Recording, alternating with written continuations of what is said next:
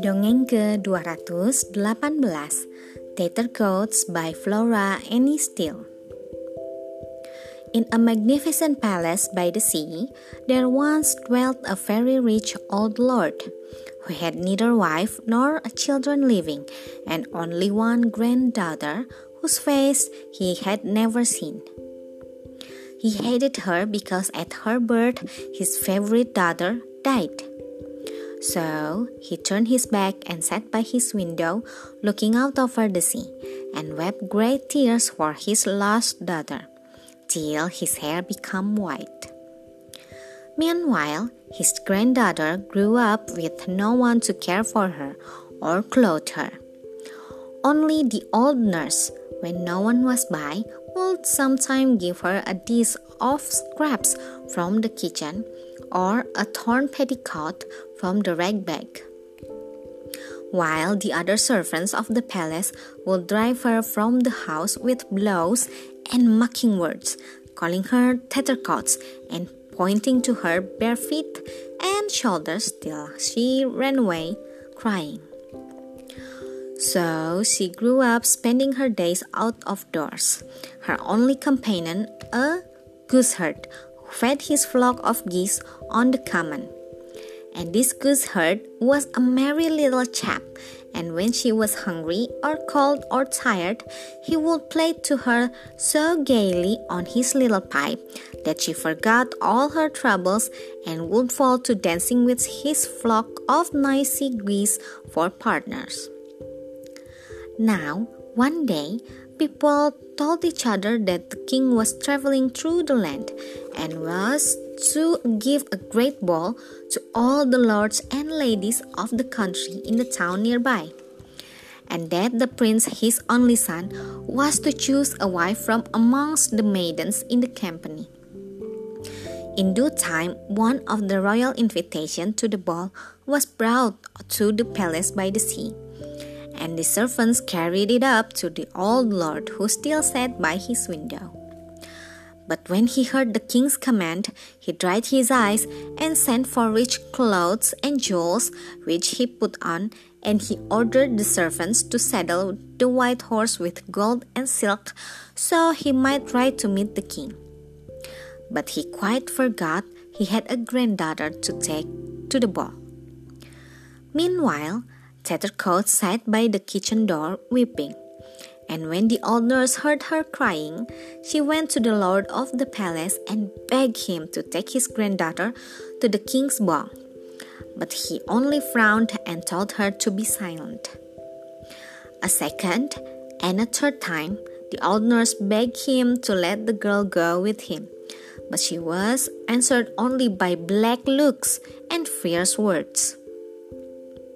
The old nurse went to look for Tattercoats, but the girl had gone to see the gooseherd.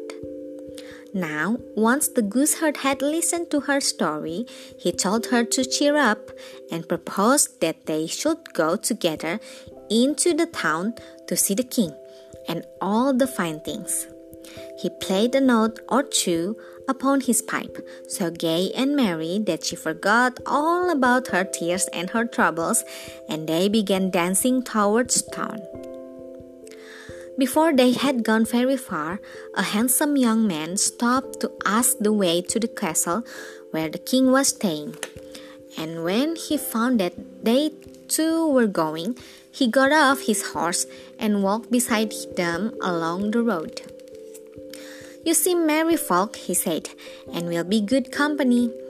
Good company indeed, said the gooseherd, and played a new tune that was not a dance.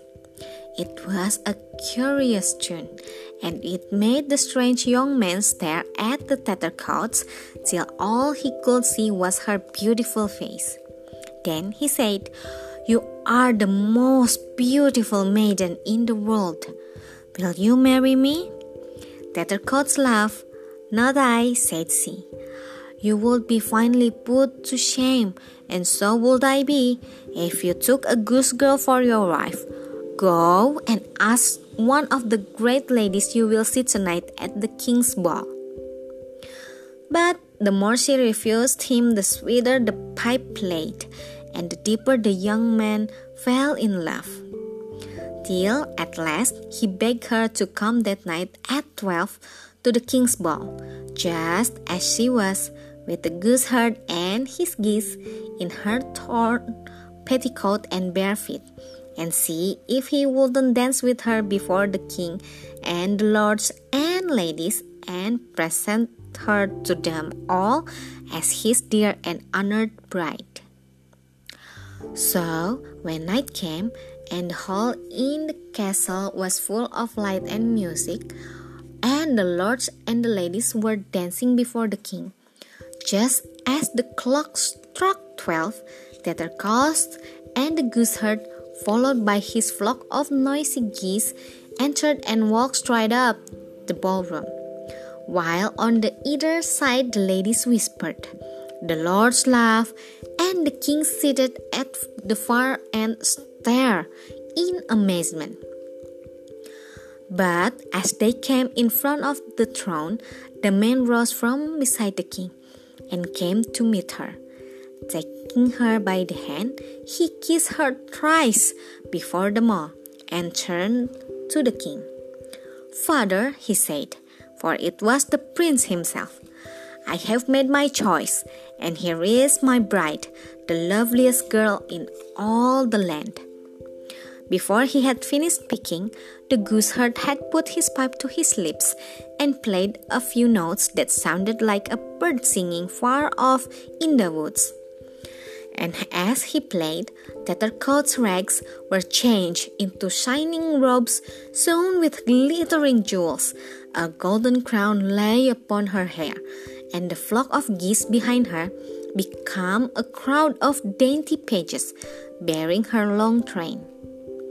And as the king rose to greet her as his daughter, the trumpet sounded loudly in honor of the new princess and the people outside in the street said to each other, Ah, now the prince has chosen for his wife the loveliest girl in all the land.